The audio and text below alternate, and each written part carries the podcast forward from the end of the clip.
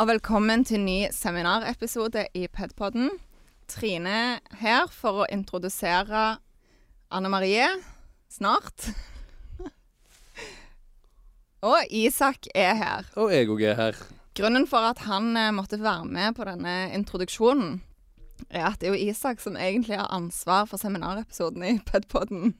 Men Hyggelig å, få, hyggelig å få vite da on air, Trine. Akkurat nå her jeg sitter. Jo, bare kjekt. Men han har ikke klart å følge opp eh, jobben sin, så vi måtte få Anne Marie til å ta en prat med Tuva Fellmann.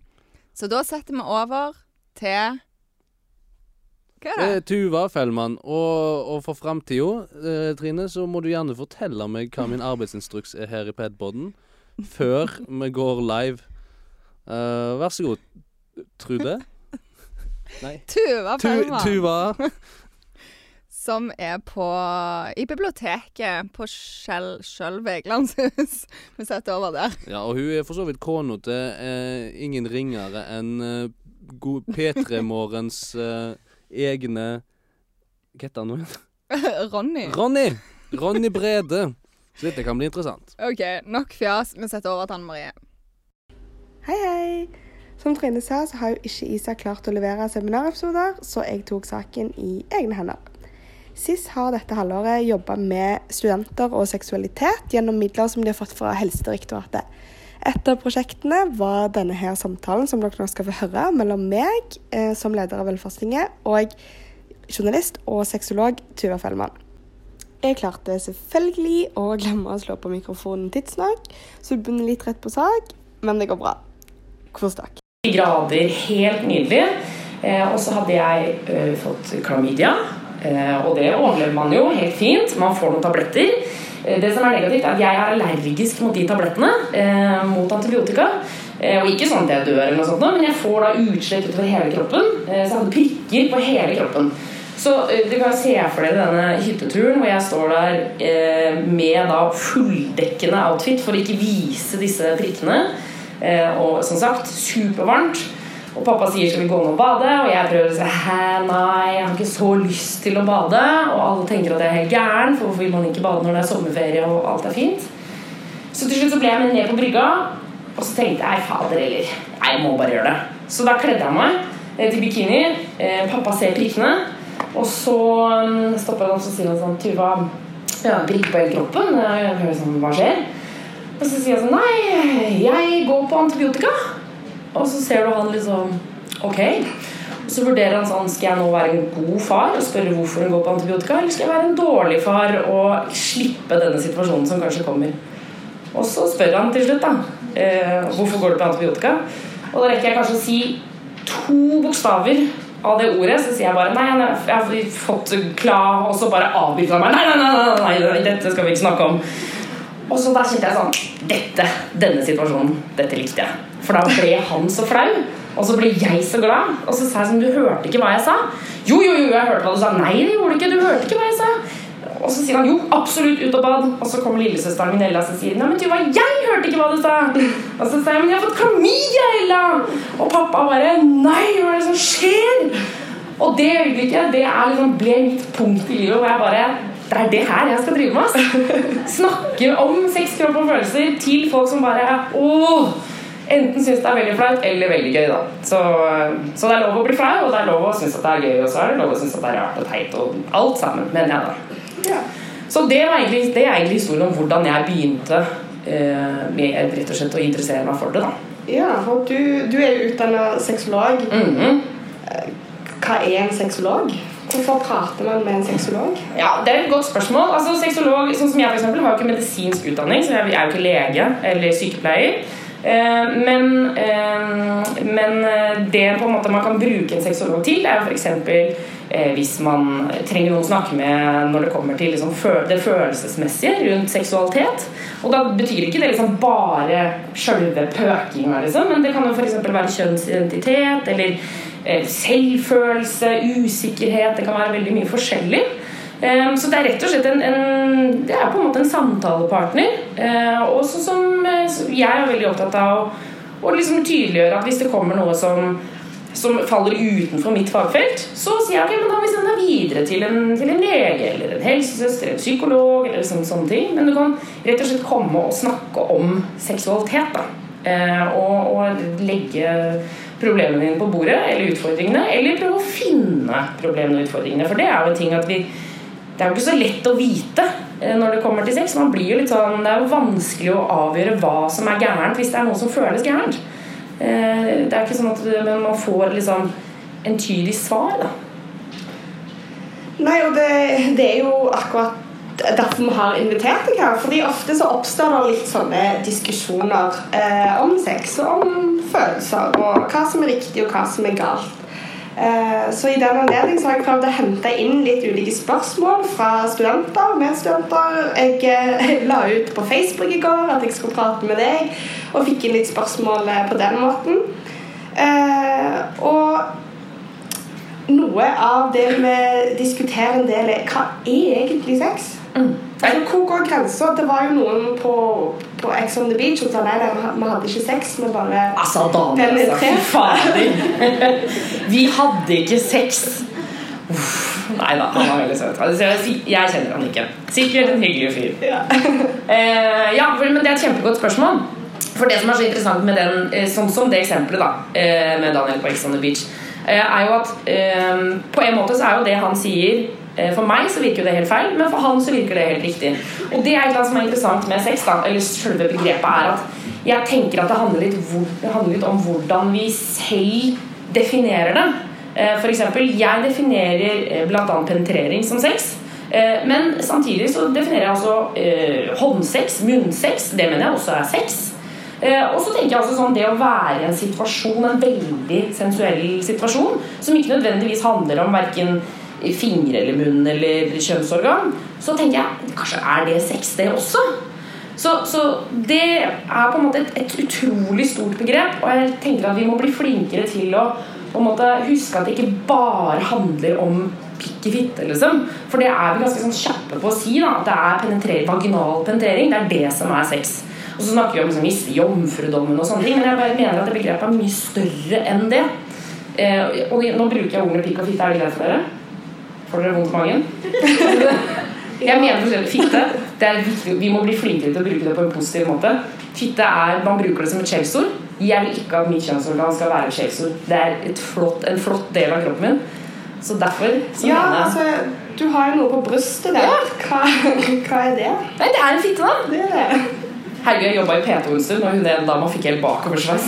Vi satt på redaksjonsmøte, så sa hun sånn Hva er det på T-skjorta di? Så sa jeg nei, det er fitte. Og så ble hun helt sånn Og så klarer hun ikke å se meg i øynene lenger. Eh, Men det er, ja, det er en T-skjorte som er kjøpt av en som heter Emilie Becker, som jeg kjøpte på Instagram. Hun designer klær med da eh, vaginaer på. Eh, Så jeg syns den er veldig fin. Jeg tenker at det er viktig ting at vi må begynne å på en måte sette pris på kjønnsorganene, og det har eh, de med utovertiss vært veldig gode på i mange år. Altså antikken, herregud, fallosen, og det er jo bare de, Det er jo en glorie rundt den, liksom. Eh, mens eh, innovertissen, fitta, eh, den har vi ikke liksom vært like gode på å sette pris på og vise frem og være stolte av. Eh, og det mener jeg liksom reflekteres også i språket. Da, at vi f.eks. bruker fitte som et skjellsord. Syns det er helt hårreisende at det skal være et stygt ord. Det er et kjempefint ord. Jeg kaller fetteren min for Lillefitta, forresten. Så det skal være sånn, Jeg vet ikke om han syns det er så hyggelig, men de alle i familien kaller han for Lillefitta. Eller syns i hvert fall det er greit at jeg gjør det, da. Men nå snakka jeg meg langt ut av sex. Jeg beklager. Jeg Ja. Nei, men, men du sa nettopp det med at, at en veldig sensuell eh, Situasjon. situasjon og ja. Veldig sensuell. eh, Så og nettopp derfor så lurer jeg litt på hvorfor reagerer man så ulikt på det med sex og følelsesmessig? Hva er viktig i en seksuell relasjon? Jeg tenker at det er, det er mye som er viktig, da. Men trygghet er vel kanskje det første, liksom den grunntingen, tenker jeg.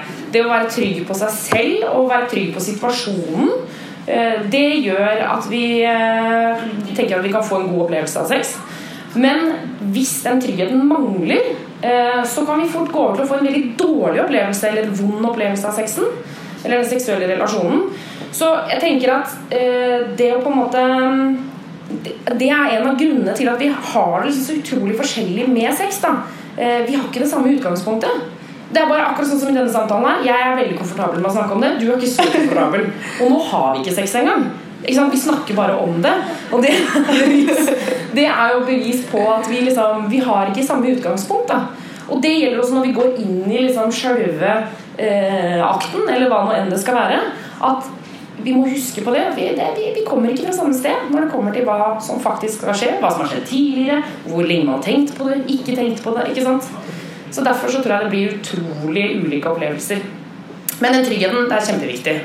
Eh, tryggheten på seg selv, hva man vil, men også liksom det å på en måte eh, Sånn som jeg husker da jeg var liten, eller yngre, da. Liten, det ble feil å si. Men da jeg, jeg var yngre og hadde fått en kjæreste og moren min du så det i øynene hennes. Hun bare 'Å, nå skal de begynne å ligge snart. Hvordan skal jeg forholde meg til dette?' Eh, og så spurte jeg sånn 'Å, mamma, kan jeg være så snill overnatte kjæresten min?' Vær så snill. Og hun bare 'Nei, du, du, kan ikke overnatte. Du er ikke 16 år ennå. Det går ikke. Du kan ikke overnatte.' Og så sa jeg 'Men hvorfor ikke det? Vær så snill.' Og så sa hun nei, fordi det jeg er redd for, er at hvis du plutselig er i en situasjon hvor dere skal Hvor det er liksom lagt opp til at dere skal ligge sammen, så er jeg så redd for at du på en måte ikke tør å trekke deg. da Ikke tør å si ifra.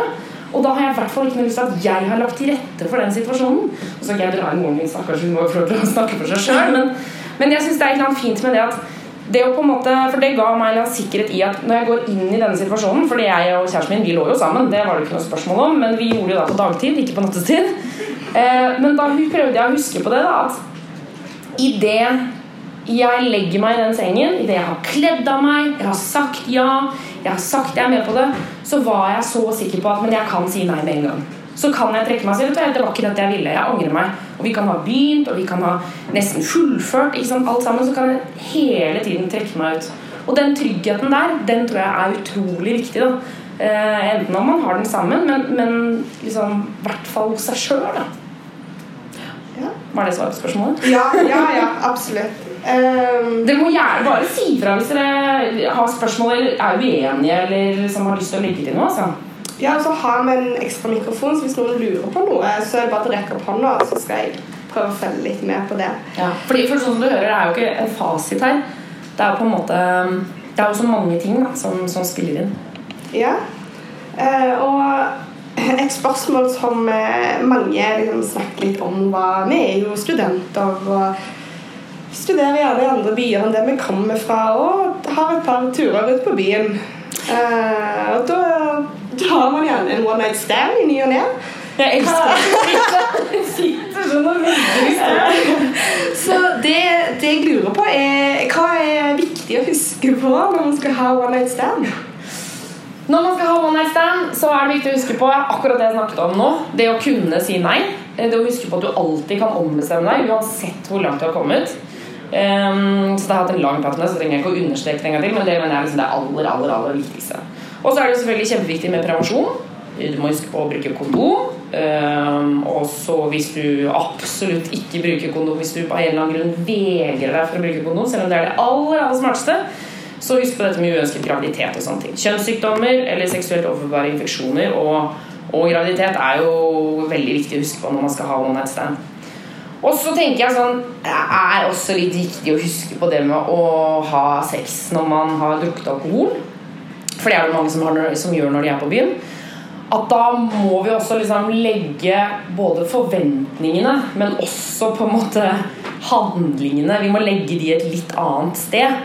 Eh, fordi For det første skal du ha sex med en du ikke kjenner. Eh, og, og, sex er jo ofte prega av kjemi. ikke sant? Hvis ikke den kjemien er der, så kan det bli veldig veldig klønete. Men også når det er alkohol, så kan man liksom skeie ut og rulle ut av senga. Det er mange muligheter for å på en måte drite seg ut. da Så det er viktig å ha, sånn at du ikke på en måte Altså sånn at man er litt forberedt på at det kan bli litt klønete, rett og slett. Jeg tror det er en fin ting å huske på. Fordi plutselig så kan man finne seg i en situasjon hvor man blir sånn Ei, off, hva er dette her? Og nå blir jo bare helt Dette var ikke noe bra sex, eller dette var jo bare klønete. Så liksom mentalt forberedt deg på at one night stands er ikke nødvendigvis den beste sexen. Skjønner du hva jeg mener?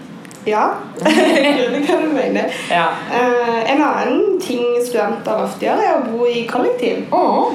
Og da er det kanskje tynne vegger, eller eh, Å herregud, jeg har bodd i et kollektiv med så tynne vegger det var ikke måte på. altså. Ja, så, så har vi liksom sett på filmer, da. Gjerne hvit sokk på døren, eller eh, noe sånt. Altså, bør man ha regler i kollektivet? Ja, Da må man kjenne hverandre godt, altså. Tror du ikke det? Jeg tenker sånn, Hvis man skal ha regler altså, det er jo Si hvis, eh, hvis man bor sammen, liksom, tre gode venner, så er det jo fint å ha regler. Men jeg tror hvis jeg hadde nå eh, vært ny Hvis jeg hadde akkurat kommet til Stavanger, skulle flytte inn i et kollektiv sammen med deg og tre venninner to venninner av deg og det første jeg hadde kommet inn til, var at dere sa sånn Når du har sex, så må du ha hvit sokk på døra. Eh, hvis du skal ha noe som skal overnatte, skal vi ha sånn og sånn. drrrr. Eh, Da, det, det er jo også liksom nesten litt invaderende altså sånn, Igjen da, så må, blir man satt i en situasjon til å snakke om sex hvor man ikke nødvendigvis er klar, liksom, klar for det. Men det må jo, alle må jo skjønne at det å ha høylytt sex i et kollektiv det er ikke så Er det så smooth? Jeg føler at det ikke er så bra. Eh, For da blir det er jo Da hører jo de andre deg, da. Hvis du syns det er gøy, så er jo det helt konge. Og hvis de syns det er gøy, så er det helt konge. Men det kan jo by på noen eh, ukomfortable situasjoner, selvfølgelig. Men eh, ja, kanskje, ja, kanskje noen regler. Jeg vet ikke. Er det vanlig å ha regler i kollektiv? Vi hadde ikke det i mitt kollektiv. Så alle blir sånn. Litt sånn Ja, nei. Eh, nei, vi, det, Da vi bodde, så hadde vi ikke det. Men samtidig, når jeg tenker meg om, jeg skulle jo kanskje ønske at vi hadde det. For det var jo flere ganger jeg hørte helt tydelig at noen hadde sex. Og da blir det så rart også, for da blir jeg sånn Skal jeg lage ekstra mye lyd når jeg er på kjøkkenet da for å vise sånn Jeg er våken, her skal det lages nudler, da, da, da. Eller skal jeg liksom være ekstra stille for å ikke forstyrre dem? Jeg gikk for masse bråk på kjøkkenet, og så hørte du liksom at de sa sånn Tuva er våken, Tuva er våken. Oi, oi, oi, for en deilig morgen! Nå var det på tide å stå opp, ja! Hei sann! Ja, så kanskje noen regler, da. Kanskje det. Men bare bare litt kjenn, hver- man burde kjenne hverandre. Ja, Ja. det er kanskje en fordel. ja. Men det blir man jo også i kollektiv. da. Man blir jo kjent. Man det er jo det. Eh, Så er det sånn at eh, vi har fått inn litt eh, spørsmål. Og det ene er at jeg har hatt kjæreste en stund, og vi, vi hoppa i svingen. Er det lurt? Nei. Nei. Enkelt og greit svar. Det er ikke noe, det er ikke noe lurt i det hele tatt. Altså fordi, eh, Og det er flere grunner til at det ikke er lurt. Men nå er det jo en kjæreste som det var kjæreste. Så da tenker jeg at da kan vi jo eh, ikke trenger ikke å snakke så mye om kjønnssykdommer. Fordi når man er kjæreste, så det er jo veldig fint å starte med å gå og sjekke seg sammen. Eksempel, sånn at de er helt enige om hvor vi stiller når det kommer til eh, klamydia og liksom den pakka der. Så si disse har gjort det. Vi utelukker kjønnssykdommer. Men det å hoppe av i svingen, det er jo øh, Det er jo absolutt sjanse for å bli gravid av det. Og det høres jo ut som at de ikke er så kine på å bli gravide. Eh, Det er sånn jeg tyder spørsmålet. Eh, Altså det er klart det er jo lurt hvis du har lyst til å bli gravid. Så er det lurt. Hvis du ikke har det, så er det ikke så veldig lurt. For både fordi eh, når man har penetrerende vaginal sex I forkant så kommer dette pre-cummet, som er litt sånn glinsende, glansende greier som kommer ut av pikkhodet. Og der kan det være eh, rett og slett sædceller.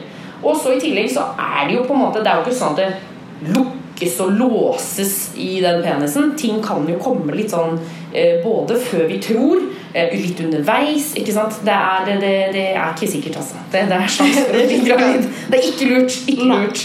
Så da begynn heller på p-piller eller p-stav eller et eller annet. Eh, Det er superenkelt. Stikk til Kari og få prevensjon i stedet for å ta den der hoppa i svingen. Det mener det. Ja, og da har vi har fått litt spørsmål om prevensjon. Ja. Eh, Det ene er jeg bør overvåke hjemme. Jeg har mensen hver måned. Derfor tør jeg ikke ha p-piller liggende hjemme. Altså, vi, Hvilken prevensjon kan jeg bruke da?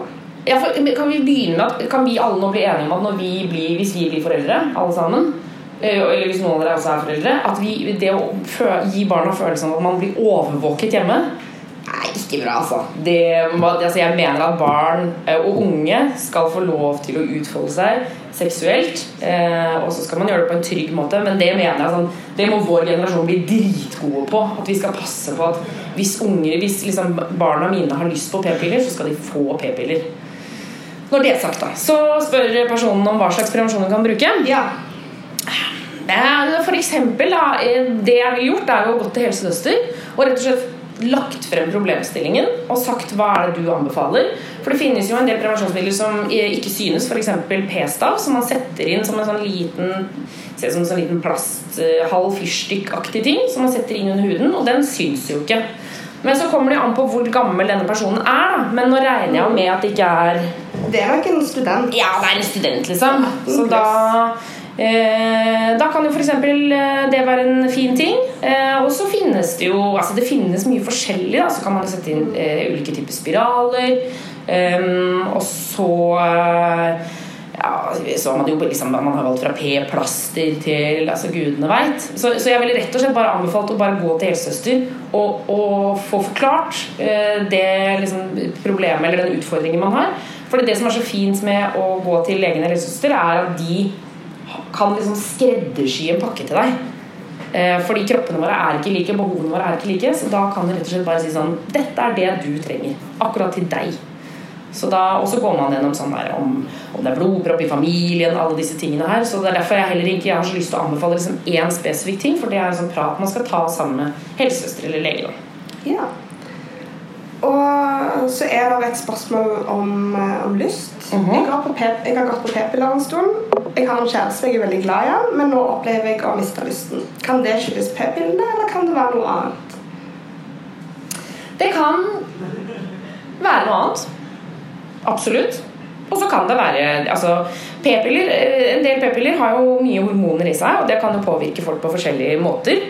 Eh, så Derfor så anbefaler vi at hvis du har gått på et, liksom en p-pilltype i Vi anbefaler at du skal gå på det i tre måneder, sånn at liksom alt skal få stabilisert seg i kroppen. Hvis du da fortsatt ikke er fornøyd med p-pillene, så kan man bytte p-pillemerke.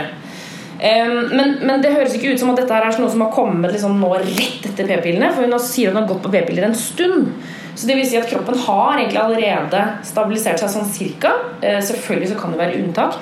Men jeg, det første jeg tenker på, er jo at det kanskje er noe annet. Mm. Eh, fordi det å ha, være i seksuell relasjon eh, med en kjæreste, f.eks., så tenker jeg at lyst er noe som kommer og går. Det går jo litt sånn opp og ned. Det er som å være sint og glad, på en måte. Eh, altså Hvis jeg er sint noen dager, så vil jeg ikke si at jeg alltid er sint. Eller hvis jeg er glad noen dager, så er jeg ikke alltid glad. Eh, og så Når det kommer med lyst, så kan det jo være liksom for lengre perioder hvor man rett og slett mister lysten. Og det kan jo være eksamensperioder, eller det kan være eh, hvis du har oppkjøring, hvis du krangler med foreldrene dine. Liksom stress kan påvirke lysten.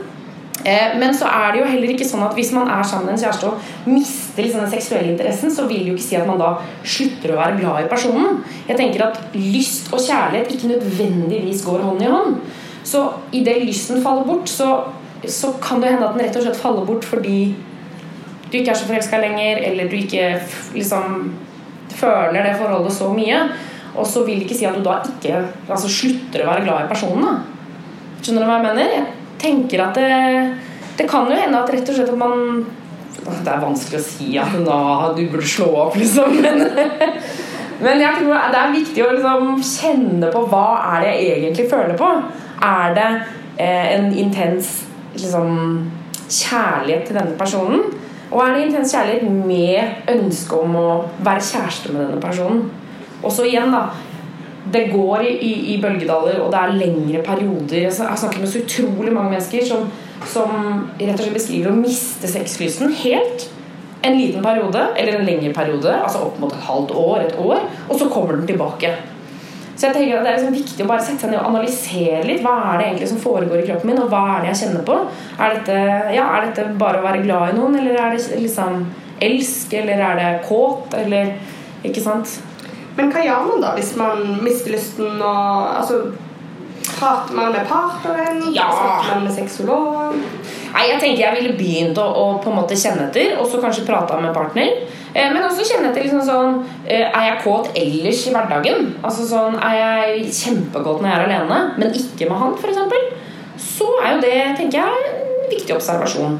Eh, og så snakker vi jo ofte når vi snakker om For nå tok jeg egentlig bare høyde for at det var en gutt og en jente. Det er jo alltid litt dumt, så det kan jo fint være en jente. En jente men, men, hvis vi tenker på en gutt og en jente, da hvis vi går ut ifra det, mm. eh, så snakke, Når vi snakker om eh, den heterofile sexen, så snakker vi ofte om eh, vaginal penetrering. Bang, bang, bang, bang. Ferdig. Eh, han kom, hun kom ikke. Liksom hele den pakka der Så det går sånn å, å, gå gjennom litt sånn Hva slags sex er det vi egentlig har, og liker jeg denne sexen? Um, fordi, fordi, det rett og slett er litt sånn miskommunisert, da. Hvordan heterofil sex er på sitt beste. Ja, det, det, er, det er en annen påstand. Jeg, jeg må fake orgasmene. Ja. Hvorfor får de det ikke til? Det kan jo være fordi at du ikke benytter deg av klitoris. Vet alle hva klitoris er? De fleste nikker, men jeg tar ikke sjansen på at ikke alle vet hva. Klitoris er altså det beste vi med Innovertis har, mener jeg. Det er det flotteste vi eier. Jeg kan jo vise på denne her. Faktisk, Ser alle tegningen? Her, her er skjeden. Så det er her man stapper inn penis. Og det er det vi har tenkt i mange år, at det er det som teller. Men det er ikke riktig. Her oppe ligger klitoris. Nå sitter jeg og tar meg selv på puppene. Men her oppe ligger klitoris, og det er altså et nervesenter uten like. Og i mange år så har vi trodd at det bare er en sånn Vi har beskrevet det som en liten ert, og det er akkurat det det kjennes ut som også. Eller en litt lengre, en halv bønne f.eks., eller noe i den duren. Det kommer litt an på hvor i kåtprosess man er, og hvordan kroppen ser ut. Men, men vi har alltid beskrevet det som en sånn liten ting. Det som nye forskning har vist, er at det er en svær greie. Altså Det er som en sånn ø, husker jeg, ønskepinne. Husker jeg holdt dere på med det da dere var små? Hvor man gikk sånn Det er en pinne som har to stykker, og så ender den Skjønner du hva jeg mener? Og så drar man i kraften ende. Ja, eller Ja. så, så letter man det til vann, eller vi med det. er vi Ja. i hvert fall rundt med sånn. Altså, det er på en måte Hvis du sitter Her er liksom den lille tappen, her er den erten, og så går den inn bak sånn, og så deler den seg ut i to. Og det gjør at liksom hele området får kontakt via klitoris. da. Og klitoris det kan man stimulere, og stimulere det kan jo være så mangt. Men det kan være enten å gnikke seg inntil noe. Eh, Jeg tror eksempel det er ofte derfor ja, dette er litt eh, skummelt å begi seg ut på, men eh, barn ofte står litt sånn og så står de sånn og gnir seg sånn inntil kanter og sånn. Har du sett det? For det er utrolig deilig hvis noe er inntil det området. Og så er det klart at det er superfølsomt. Så noen syns det er veldig deilig å få liksom, eh, stimulering akkurat på tappen. Jeg synes det er kjempedigg. Og så er det noen som syns det er deilig å få det rundt tappen. Da. Eh, jeg snakket med en dame som elsket å kjøre åttetall. For da gikk hun liksom ned under tappen, og der var det superfølsomt. Og så en liten, sånn liten tur, avslapningstur opp. Og så ned igjen, og så opp igjen. Og så ned igjen, og så opp igjen. Så det kan være at det er derfor man ikke får orgasme, fordi man rett og slett ikke benytter seg av denne lille gullgruva. da. Eller det er jo ikke en gruve, men den lille gulltappen. Um, det, men det er jo ikke sikkert at det er derfor, men, men jeg vil tipse om å, å rett og slett huske på det. da. Og så er det også viktig å huske på at når man skal stimulere klitoris, at det er litt fuktig der. Eh, Hvis det er helt tørt, så er det ikke, så, det, så er det ikke så deilig. Uh, Så fuktighet det er kjempeviktig eh, når vi snakker om uh, onanering eller bruk av kjønnsorganene. Ja. Og hvis noen Ok. Hører hva du sier. Eh, noen andre har sagt at jeg har fast partner, men han tar ikke på meg under sex. Jeg liker han, men man blir jo eh, lei til slutt. Hvor, hvor, hvordan tar man det opp? Hvordan tar man opp bruken av gulltappen? Gulltappen. Å, fader, det er et fint ord. Gulltappen. Um, nei, altså de, jeg, får jo, jeg må jo si at jeg får litt vondt i magen av det spørsmålet. For å ha en kjæreste som ikke tar på en, eh, hvis man føler at man er den eneste som tar, mens den andre ikke tar på deg, det tenker jeg ikke nødvendigvis er en så digg følelse. Så det er veldig viktig eh, og bra at eh, dette spørsmålet stilles, og eh, kjempefint at man kommer til det punktet at man tenker hvordan skal jeg gå videre med dette? For det er jo en prosess i seg sjøl.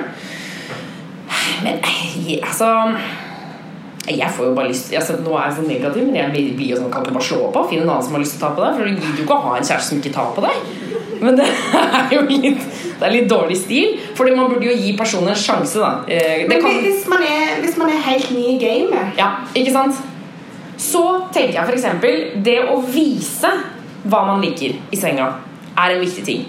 Av og til eh, så tror jeg mange bare legger seg ned og tenker sånn Nå skal det skje! Nå begynner det! Jeg har ikke tenkt å si noen ting, men jeg gleder meg. Det er viktig å på en måte vise hva man liker, enten med å si 'dette syns jeg er deilig', eller bare det å stønne, eller liksom eh, vri seg litt sånn i kroppen. Altså sånn rett og slett kroppsspråk. da For da blir det også litt lettere, for særlig når vi har eh, Hvis man har to forskjellige kropper eh, og to forskjellige kjønnsorgan, så er det ikke så lett å vite hva som skal skje. Eh, så, så det å på en måte eh, vise seg frem, men også guide, veilede, eh, det tror jeg er viktig. Og så går det jo an å si Denne personen kan jo si til kjæresten sin Vet du hva, jeg syns det er så deilig når du tar meg på ryggen, f.eks. For, eksempel.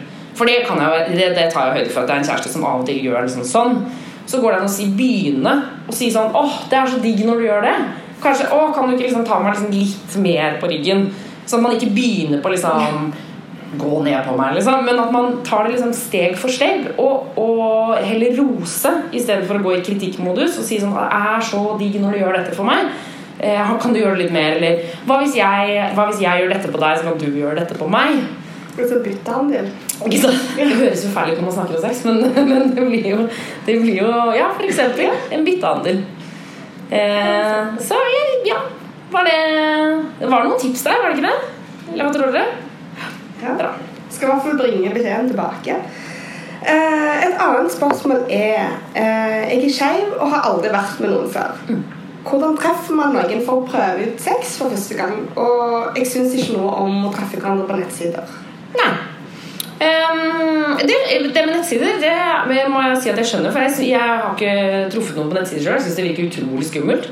Men jeg tror det er sånn når du først har gjort det én gang, så er det kanskje lettere. Eh, men, men, eh, så det er en veldig fin tanke at jeg ikke har lyst til å gjøre det på nettsteder. Da går det jo f.eks. an å begynne hos f.eks. det å melde seg inn i FRI. Altså rett og slett melde seg inn i en forening som kjemper for rettighetene for eh, lesbiske, homofile, transpersoner, skeive generelt. For da vil man jo også treffe andre mennesker som f.eks. definerer seg som skeiv. Og på den måten så kommer man i kontakt med andre. Eh, så det tenker jeg kan være en fin ting. Og så finnes det jo eh, mange utesteder som, eh, som rett og slett sier klart og tydelig at vi er et homsested, f.eks. Eller dette stedet er for lesber. Så da går det an å oppsøke de stedene. Eller var det mer hvordan skal jeg foreslå at vi skal ha sex for første gang? For i så fall så tror jeg det er omtrent det samme som når vi skal foreslå sex med hvem som helst andre. Det er rett og slett å på en måte flørte, hinte, kanskje spørre rett ut skal, Er det nå vi skal gjøre det, liksom?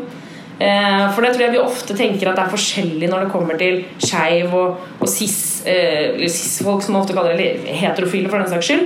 Eh, at vi tenker at ting er annerledes når det kommer til skeive. Eh, og det tror jeg ikke det er. Der tror jeg det rett og slett handler om de, akkurat de samme tingene. Eh, at kjønn bare er en, er en liten del av det, hvis du skjønner hva jeg mener. Eh, men, men hvis det er det å komme i kontakt med andre skeive, så ville jeg rett og slett gått for det å melde seg inn i en, altså forening. rett og slett Ja. Jeg tror det er en kjempeidé, for det er det masse foredrag og det er masse fester. Er mange steder, møtepunkter som er veldig ålreite. Og ikke minst i trygge omgivelser. Så det tror jeg er veldig fint. Ja. Og nå er det jo sånn at eh, du kan være med i FRI selv om du er heterofil. Ikke sant? Eh, Så hvis du egentlig bare er litt undrende, så får man mye god informasjon i den foreningen der. Ja, og det er så ålreit å være der. Så det er bare, det er bare å liksom melde seg inn og lære og bare suge til seg den informasjonen man kan få. For vi har så mye rare tanker om eh, seksualitet og kropp som jeg liksom har lyst til at vi skal på en måte begynne å rette litt opp i. Da. Eh, igjen da, bare tilbake til dette med klitoris. At vi hele tiden har trodd at det bare er en liten ert, og så er det kjempesvært. Det er så mye om kroppen som vi fortsatt faktisk ikke vet. Og seksualitet er jo et liksom, kapittel som har åpnet seg mer og mer de siste årene, føler jeg i hvert fall. Når, særlig når det kommer til eh, skeiv identitet, f.eks. At der er det så mye vi må utforske da, og, og være nysgjerrige på.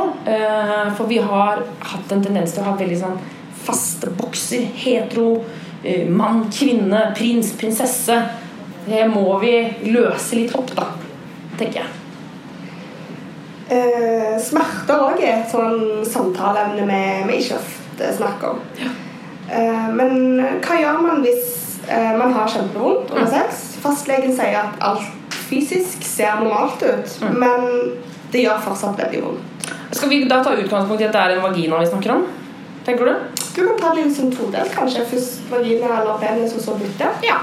Altså ehm, Hvis vi kan ta penis først, da. For da, da er det jo Fastlegen sier rett og slett at alt ser normalt ut, så da tar høyde for at alle tester for klamydia og sånn er gjort, for det kan man jo få smerter av. Da kan det jo være eh, Altså, det å eh, vi får, I Juntafil så har vi veldig mange ganger fått spørsmål om hvor eh, mye kan jeg onanere. Og da eh, pleier vi å si at du kan onanere så mye du vil, helt til du eventuelt begynner å avlyse avtaler for å være hjemme og runke. Jeg blir ikke med på kino for jeg var hjemme og runke. Det er greit én dag, men hvis det blir hver eneste dag, jeg drar ikke fotballtrening før jeg vil runke, da begynner det å bikke over til å bli for mye. Og den andre grunnen til at vi sier at det kanskje blir for mye, det er rett og slett når kroppen reagerer på at det er for mye. Man kan få små rifter i penis, enten på forhuden eller liksom rundt, rundt på penis. At det rett og slett er brukt ganske ivrig. da Og da kan det bli smerter. Og, og jeg tenker at de, de eh, små riftene, de jo, altså jeg tenker jo at De sier man jo kanskje at ser eh, normale ut, fordi, fordi det er ganske vanlig å få liksom små, små rifter. Det kan jo være det, jeg vet ikke. Men, men eh, hvis man f.eks. runker veldig, veldig, veldig mye, så kan du etter hvert få litt vondt. da. Så da lønner det seg å ta en liten pause, og så kan man gå på en, en dag eller to senere. Men hvis vi går over til eh, vagina, for jeg tenker at det er egentlig mest der spørsmålet jeg tipper det er mest aktuelt. Vi har snakket, eller altså mange jenter som har kommet eh, og som jeg også har snakket med, som, som opplever intense smerter i underlivet når de har sex. Eh, og som forteller akkurat det samme. De går til legen, og så sier legen her er alt vanlig, det er ikke noe gærent. Eh, bare mm, stå på. Og det tenker jeg er De, liksom, de jeg snakket med, annet en som var så utrolig lei seg at hun kom fra fastlegen. Fordi hun bare følte at hun ble bare møtt av en vegg. da At de bare sa sånn Det er ikke noe gærent her. Og så ble hun sånn Ja, men tror du jeg finner på smertene? Tror jeg liksom ljuger på meg vondt i tissen? Eh, og kjente liksom veldig på det. Eh, og det er jo, eh, Da kan man jo bl.a. snakke om vulvodyni, som er en diagnose eh, eh, som gjør at eh, jenter kan få veldig veldig store smerter under samleie. Og så her er det jo egentlig Dette er nok en lege eller helsesøster som skal på en måte ta seg av definisjonen og, og hvorfor det kommer. og sånn, For der er man ganske usikker og relativt uenig også, tror jeg. Men det kan jo absolutt være en ting. Rett og slett at det er en diagnose som gjør at man får veldig vondt. Men det, liksom, det jeg egentlig tenker på, det er oppvarming. Altså Hvis du har sex uten å være klar, uten å være kåt, så kan det fort bli ganske vondt. Eh, fordi det som skjer med eh, vaginaen når, når, man blir kåt, er at den eh, blåser seg liksom litt opp. Litt sånn som penis. Så penis vokser jo, ikke sant? Mm -hmm. Så eh, eh, de kjønnsleppene de også blåser litt opp. Og så begynner det å produsere masse væske. Eh, masse væske, det høres ut som det kommer en foss ut. Det gjør det ikke. Men altså, det begynner å produsere litt væske som blir på en måte kroppens naturlige glidemiddel. Og hvis eh, f.eks. det glidemiddelet ikke kommer, så blir det tørt. Og tørt mot tørt det er ikke så digg når det er tynn hud. Det funker helt fint på hender, men tynn og sart hud det er ikke så deilig. Og da eh, kan man få sant, kan man få vondt, og så kan du få disse riftene igjen som jeg snakket om. Men det som også kan skje, er at neste gang du skal ha sex, så tenker du 'Å, det var så vondt sist'. Fader, fader, fader. Blir det vondt, blir det vondt, blir det vondt? Og så spenner man i kroppen, og da blir det også vondt. Og så man, kan man komme inn i en nesten sånn ond sirkel. Liksom, og det er ikke sikkert at man kjenner sjøl at man spenner. Det er ikke sikkert at du kjenner at 'nå er jeg nervøs' eller 'nå er jeg stressa'. Eh, men rett og slett at kroppen gjør det litt sånn i underbevisstheten. Og da å prøve å få noe inn når man er litt sånn, det er ikke så, er ikke så deilig, da. Så det kan jo være det at man øh, Og da vil, sant, Hvis du da går til en lege med det, så vil de si ja, men her ser alt vanlig ut, det er ikke noe problem. Og så opplever du kjempestore smerter. Så mitt tips til det, hvis man er i en sånn situasjon, det er rett og slett å eh, bruke tid på oppvarming. Og da tilbake til gullruten, holdt jeg på å si. gullgreia. Gulltappen. Eh, rett og slett å, å, å, ta på hverandre. Bli kåt, eller ta på seg selv og bli kåt. Kjenne at man er med i hodet, for hodet er en del av kroppen som, som må være med når man skal ha sex. For hvis du sitter og tenker på pizza Ja, det kan jo hende man tenner på pizza. Det, skal, det, kan, godt, det kan, absolutt hende. Men, men, hvis du tenker på noe, liksom, noe, helt annet Hvis du ikke er til stede i sexen, så vil heller ikke kroppen henge med. Eh, så, så, det, så, det, tenker jeg liksom, rett og slett passe på. Liksom, sjekk, ta en sjekk. Er jeg ordentlig kåt nå? Før jeg begynner med denne eh, berømte penetreringen. Altså, sånn, er, jeg, liksom, er jeg klar? Og bruke jeg skal si, Bruk en 20 minutter. Eller lenger, for den saks skyld. Og så er det ikke sånn at man alltid må være Det må være lov å ta liksom litt av rasken også. Eh, det er ikke alltid man har tid til det, men, men da kan man jo bli kåt veldig fort. Men rett og slett det å, å, å liksom sjekke av Er jeg keen, da? Er jeg klar sjøl? Og så vet jeg det er mange som blir nervøse når vi begynner å snakke om denne eh, væsken eh, fordi de føler selv at de ikke får den. Altså at man rett og slett ikke blir våt. Og hvis du er i en situasjon at du ikke blir våt, så kan man også f.eks. bruke glidemiddel. Altså kjøpe inn eh, glidemiddel. Så det er også en fin ting å, å bruke hvis, hvis, man ikke helt uh, kommer seg i gang sjøl. Men, men, igjen, uh, jeg, jeg, er ganske motstander av det å på en måte si ja, men jeg blir ikke våt, så da tar jeg glidemiddel. Jeg gidder ikke engang å prøve å varme opp. Mm. Så jeg heller skal prøve å varme opp, og så hvis du fortsatt føler at det ikke funker, så pøs på med glidemiddel. Men du, du sa varm gata opp. Vent med glidemiddelet. Nei, det trekker jeg tilbake. Ikke vent med Hvis du har lyst til å bruke glidemiddel, så bruk glidemiddel. Altså, selvfølgelig. Men jeg bare, jeg er litt redd for at man raskt går til den glidemiddel, da. Eh, Istedenfor å, å rett og slett bli kåte sammen. Eh, men, eh, men det er ikke noe galt i å bruke glidemiddel. Hvis man har lyst til det, så gjør man det. Det er kjempebra. Prima, prima, prima. prima. Men du sa òg eh, Ja, denne gulltappen. Eh, og og ta, ta på hverandre og ta på deg sjøl. Er det greit? Er det greit å ta på seg sjøl under oppvarming med en annen? Ja! Kjempegreit! Jeg vet til og med at det er mange gutter, eller mange gutter for eksempel, som syns det er dritdigg. Jeg snakka med eh, åh, det er en dame som jeg synes er så utrolig fascinerende, som en gang sa til meg at vet du, når jeg, ser, vet du, når jeg får den aller beste sexen, det er når jeg steller meg foran gutten, og så digger jeg ham opp, og så tar jeg på meg selv, og så ser han på. Og hun bare Han blir så gæren godt, liksom. At det å på en måte ta på seg selv og vise at jeg selv er komfortabel med kroppen min, enten om man er eh, liksom uavhengig av kjønn Det å vise at jeg er trygg og komfortabel, tror jeg altså det er jo så tiltrekkende. Så det å ta på seg selv sammen med partner, kjempefint. Også det å vise f.eks. partner hva man liker eh, når det kommer til onanering, f.eks. Igjen, da, det er vanskelig, særlig når man snakker om to forskjellige kjønnsorganer, det er vanskelig å vite eh, hva, hva som funker. Og det å onanere foran partner, f.eks.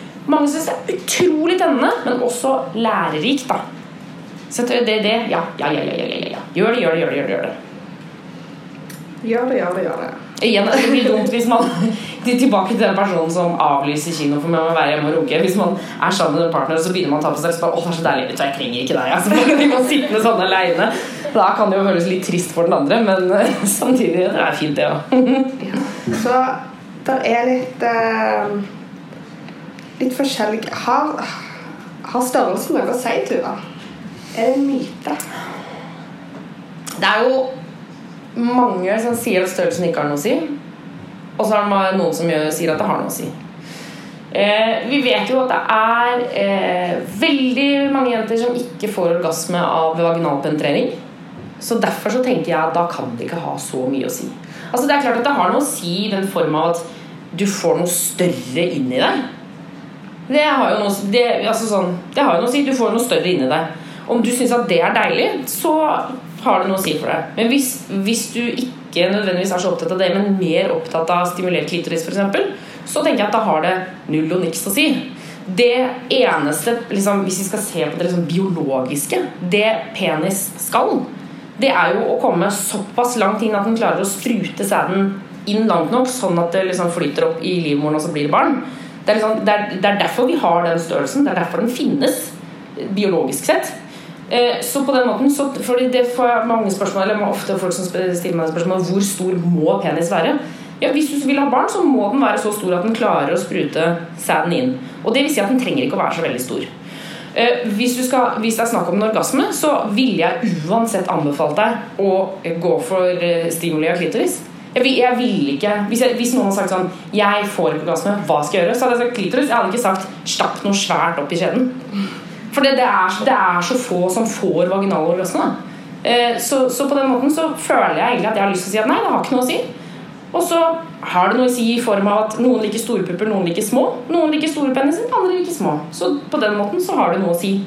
Men for sjølve orgasmen så mener jeg at nei, det har ikke noe å si. Det har ikke noe å si. Men du, sånn apropos uh, spruting og sånne ting Går det bra med deg? Hva syns du? Vil, vil, du si, si fitte høyt, f.eks.? Nei, det trenger jeg ikke. Kom igjen, gjør det nå. Si fitte. Jeg kan ikke si det høyt. Så klart du kan si det høyt! Hvorfor kan du ikke si det? Nei, jeg kan ikke det. Hallo. Nei, nå, må, nå føler jeg at du må si det. Du må si det. Å, guri land. Um, nei, klarer ikke. Oi, oi, oi. Jeg er helt varm i toppen. Det tar bare to sekunder. Jeg kan ikke gi meg på det. Bra! Veldig bra! Veldig bra. Det var fint. Det var fint. Takk for det. Stjerneboka. Stjerneboka. Men sånn apropos sprøyting. hvorfor eh, kommer ikke gutter i fylla? Gjør, uh, gjør jeg noe galt? Spar noen. Ja, det er jo mange gutter som kommer i fylla, og så uh, får vi får ofte spørsmål fra gutter som ikke gjør det. Og da er vi inne igjen på eh, Hvis man f.eks. er en gutt da, som, som ikke får orgasme eller ikke får utløsning eh, på fylla, så eh, mitt første spørsmål er får du det til vanlig. Eh, hvis svaret er ja, hvis du får eller utløsning når du er alene f.eks., så tenker jeg medisinsk, kroppslig, ikke noe som er gærent. Da er det i hodet. Og da er vi inne igjen på den der litt onde sirkelen som jeg snakka om med eh, vagina tidligere. Altså sånn, Den kan også komme når det kommer til utløsning. F.eks. man er på fylla, man skal ligge med noen man ikke kjenner. Hun er dødsdeilig, eller han er dødsdeilig, man er liksom superklar, og så tenker sånn Nå teller det, nå gjelder det, nå skal jeg bare sette standarden. Og så skjer det ikke. Så får man noia, og så neste gang enda mer noia. Gangen der, enda mer noia. Og så går det. Så er det akkurat som at hodet bare snurrer seg inn i noen greier. Og igjen, da, det med at hodet må være med når man har sex. For å få deilig, god sex, så må hodet være på plass. Eh, og idet hodet er et annet sted, f.eks. komme etter komme, komme etter komme, komme etter komme, komme etter komme, ja, da er den et annet sted. Skjønner du hva jeg mener? Og, og det, dette, nå høres ut som at det er en enkel løsning, bare slutt å tenke på det. Eh, og så lett er det ikke nødvendigvis, for jeg har snakket med mange som, som sliter med det. Altså sånn som virkelig har dette, opplever dette som et kjempeproblem. Eh, så, så, men, men, men da, hvis vi vet at du får utløsning eh, til vanlig, eh, så vet jeg at det ikke er noe kroppslig gærent, og dermed så ligger det i hodet. Og dermed, til å svare på spørsmålet Mest sannsynlig så er det ikke noe gærent. Eh, denne personen, den som ligger med den som ikke får utløsning, mm. det er ikke noe gærent. Det bare handler om at hodet er et annet sted. Og så er det jo, ikke sant Når man er drita, er så mye du ikke får til i livet, liksom. Så folk klarer ikke å steke pizza engang. Så det er ikke så rart at man da ikke får utløsning. Det er jo, altså, sånn, utløsning er jo et, et av kroppens kunstverk, liksom. Så, så, hvis du liksom ikke klarer å låse opp døra, så er det ikke så merkelig. Det må vi huske på, da. Ja, og Apropos pizza, melding fra brannvesenet. Ikke steik pizza etter byen. Veldig lurt. Veldig lurt. Veldig viktig. Eh, et annet spørsmål vi har fått inn, er om PREP. Ja. Er det, hva er PREP egentlig? Det visste ikke jeg. Jeg visste ikke hvordan man starter det engang. Nei, PREP det er eh, PREP er en eh, kommer seg på liksom pilleform. En liten pille. Eh, som man kan ta enten hver dag eller ved såkalt behov. Eh, og det tar man da før sex eh, for å minske risikoen for hiv-smitte. Eh, og så har man da PEP, som man kan ta etter eh, altså sex som er da risiko, hvor det er risiko for hiv-smitte. Eh, og her tenker jeg også at er liksom sånn, hvis, man, hvis, dette er um, Her er det også lurt å gå til enten helsesøster eller lege for å få god utfyllende informasjon om dette. Men, men PREP tar man da i forkant, og det gjør ikke at man er 100 sikker av å ikke bli smittet av hiv, men det er en veldig stor sjanse for at man ikke blir det. Og så kan man si at PREP eh, heller ikke eh, stopper andre seksuelt overførbare infeksjoner, f.eks. syflis, klamydia, gonoré. Så da må man bruke kondom i tillegg. Men det er for eksempel, jeg vet at det er eh, flere som går på PREP for eksempel, som er i forhold med en person som er hiv-positiv, hvor man har lyst til å ha sex, og man har lyst til å ha sex uten noe, og da f.eks. gå på PREP. Eh, og så anbefaler eh, Det er vel Helsedirektoratet, er det ikke det, som eh, sier at de som er i altså risikosoner, eller risikogrupper for hiv-smitte, f.eks. menn som har sex med menn, der anbefaler de, hvis du er interessert i PREP, å rett og slett ta en prat med enten fastlege eller helsestasjon for ungdom eller helsesøster. Da. Og da kan man få det gratis. Ja. Riktig, det er gratis. Ja. Det var nyttig. Men skjønte dere hva, hva er vi på Så det er en veldig, det er en veldig fin ting. Så det, det er liksom hiv-forebyggende? Det er absolutt hiv-forebyggende. Ja. Eh, og så eh, trenger man ikke nødvendigvis heller å være i det forholdet som jeg nå beskrev. Det kan også være fordi at man har eh, liksom, Vi har jo risikogruppen menn som har sex med menn. Mm. Eh, og da, hvis man da har lyst til å ha sex med menn som har sex med menn, så kan man også få PREP. da. Men der er det igjen der er det en eh, lege helsesøster som må avgjøre den runden må tas. da. Det er personlig. Fra person til person og hele den pakka der. Men det er en veldig veldig ålreit ting, og uh, jeg og jeg tror resten av Helse-Norge og resten av Norge er veldig glad for at det har kommet. Ja. Veldig, veldig fin, fin, bra, bra, bra ting. Men det er fortsatt veldig lurt å bruke annen prevensjon i tillegg? Absolutt. Kondom. Kjempefint. I hvert fall hvis det er um, sex med noen som du um, ikke kjenner, eller ikke har sex med så ofte. Eller, ja, yeah. pakka der. Og det som, som, jeg har også lyst til å legge til Når vi sier menn som har sex med menn, eh, så er det veldig mange som tenker på homofile. så tenker man ja, du mener homofile. Eh, og det er ikke nødvendigvis det jeg mener. Eh, for når denne hiv-epidemien kom for mange mange år siden, så gikk, var det flere som gikk ut og så sa de homofile må passe seg for hiv. Eh, og så var det da en del menn som, hadde, som ikke definerte seg som homofile, men som allikevel har sex med menn. Så da tenkte ja, men det gjelder jo ikke meg. Jeg er jo ikke, jeg er jo ikke homofil, så dette gjelder ikke meg. Jeg kan ikke få hiv. Og det får man jo. Så menn som har sex med menn, det gjelder rett og slett altså helt konkret og tydelig. Menn som har sex med menn, også homofile, eh, heterofile som har sex med menn. Ja. Biseksuelle. Alt sammen. Alt sammen. Jeg tar litt mer vann. Fader, jeg prater så mye. Går det greit med det, eller? Men sånn, apropos dette med menn som har sex med menn, som gjerne har en, en, en kjæreste eller en kone eller en annen partner ved siden av. Mm. Uh, er det greit å ha, ha flere partnere? Ja, altså Det er selvfølgelig helt greit å ha flere partnere hvis alle i relasjonen er enige om det. Eh, eh, Det er helt fint å eksempel leve i det man kaller for et polyamorøst forhold. Eh, hvor man da eh, er flere, enten tre, fire, fem, alt ettersom. Eh, og lever i på en måte ja, dette forholdet, denne relasjonen. Det er helt greit. Ikke noe problem med det. Avhengig av at alle er enige om at det er det som skal skje, og alle er komfortable i situasjonen. Det funker ikke at hvis du og jeg er kjærester, og du sier ja, men jeg vil ha med Tore inn, og så sier jeg sånn ja, men jeg har ikke lyst, så sier du ja, men, jeg har hørt at polyamorøst er greit. Jeg må også være med på leken, da. Eller jeg må også være med i relasjonen. For eh, det andre delen av spørsmålet er hvordan sier jeg ifra om at jeg ikke vil være med på trekant uten å virke teit? Ja! ja for det, vi har en sånn fantasi om trekant. Og dette er, det er klart at Trekant kan jo være helt konge. Det kan være en uh, fantastisk opplevelse. Men jeg har altså intervjua så mange mennesker som beskriver det som et kløneri ut av en annen dimensjon. Så det kan man jo legge til, da. Hvis, eh, hvis kjæresten min nå kommer til meg og sier Tuva, jeg er veldig fysen på en trekant, og jeg har lyst til å si nei, du, ellers takk. Uten å fremstå som teit, selv om man er jo selvfølgelig ikke teit hvis man ikke vil ha trekant. Men jeg skjønner liksom eh, altså, Det er det personen lurer på. Så går det an å si sånn Ok, men vil ikke det bli litt mange armer og bein? Altså sånn Kan vi ikke la oss liksom Hvordan skal det egentlig skje? Eh, fordi altså jeg, igjen, altså jeg snakka med blant annet en fyr som fortalte om det som en sånn opplevelse som var bare, bare et mareritt.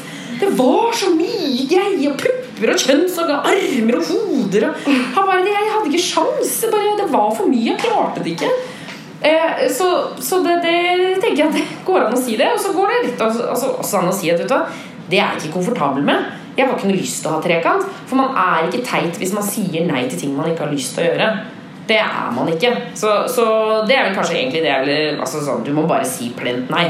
Og hvis den personen som spør etter trekant, er så himla fysen på en trekant, så får du gå og ha det med noen andre, da. Så kan jeg slippe å være med på det, liksom.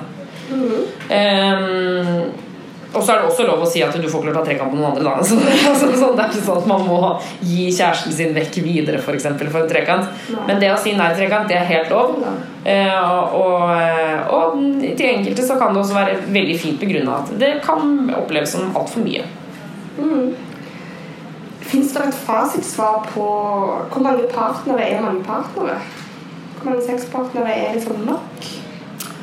Ja, det fins det jo. Det fins et ganske tydelig fastsvar på det. Og det er at øh, Det er ikke noen grense. Hvor, altså, hvor mange partnere er nok? For meg er det ikke altså, Det er aldri nok. det er jo ikke det. Jeg har ligget med mange. Jeg syns ikke det er noe galt i det. Eh, og og liksom, så kan man spørre ja, hvor mange er mange. For, eh, for en som eh, bare har ligget med to, så kan jo fem oppleves som utrolig mange, for det er over dobbelt så mange.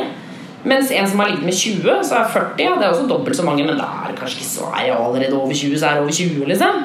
Eh, så jeg tenker at her Det er virkelig ingen grenser for hvor mange man kan ha sex med. Så lenge man passer på seg sjøl mentalt, så lenge man bruker prevensjon, så lenge man har lyst selv, så kan man ligge med altså hele verden. Eller ikke eh, barn og eh, Ja. så det, ja. Ikke barn, Nei. nei. Etter ifølge norske altså, etter lovene, da. Det, så kan du ligge med alle andre Ja. som har lyst til å ligge med deg. Da tenkte jeg at vi kunne begynne å tenke på å avslutte. Og mitt siste spørsmål er hva er ditt beste råd til studentene? Åh, det er så mye å ta av. Mitt beste råd, det er å tenke etter selv hva man har lyst til. Har man lyst til å ligge med mange? Har man lyst til å ha sex akkurat den dagen? Har man ikke lyst til å ha sex akkurat den dagen? Har man lyst til å ha trekant? Har man lyst til å ha analsex? Altså, rett og slett bare prøve så godt det lar seg gjøre å være ærlig med seg sjøl. Og så når man finner ut, og det er jo selvfølgelig det er ikke lett, altså, men idet du liksom kjenner på en følelse av hva man har lyst til å gjøre, så gå for det. Bare pass på deg sjøl i situasjonen. Eh, bruk prevensjon. Eh, men, men rett og slett liksom sånn ja, Ei din egen seksualitet, da. Enten om den er heterofil, skeiv, om den er veldig tilstedeværende, eller om den kanskje er litt forsvinnende. Eh, Men rett og slett på en måte bli kjent med den. Ikke vær redd for seksualiteten din, ikke vær redd for kroppen din. Eh, Utforsk den, og, og på- en måte bare eie seg sjøl. Og ei fitta di, liksom. Fader, altså ei pikken din. Ikke la noen komme og gjøre det til noen stygge ting. Ikke la noen gjøre det tabubelagt. Ta heller eie det i stedet. Var det greit? Klar melding. Kan vi rope fitte høyt, sånn at vi liksom gjør det til en positiv ting? Alle bare 'å, fy faen'. Nei, men tusen takk for at du ville komme til oss. Det har vært en utfordring.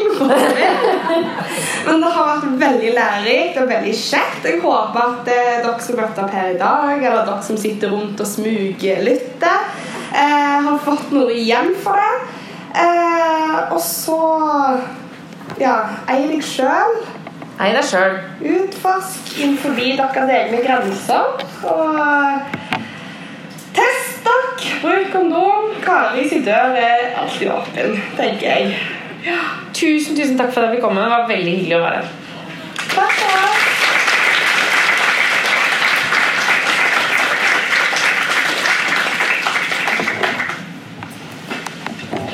Det var en veldig interessant eh, Isak, ikke gjør sånn. Åh.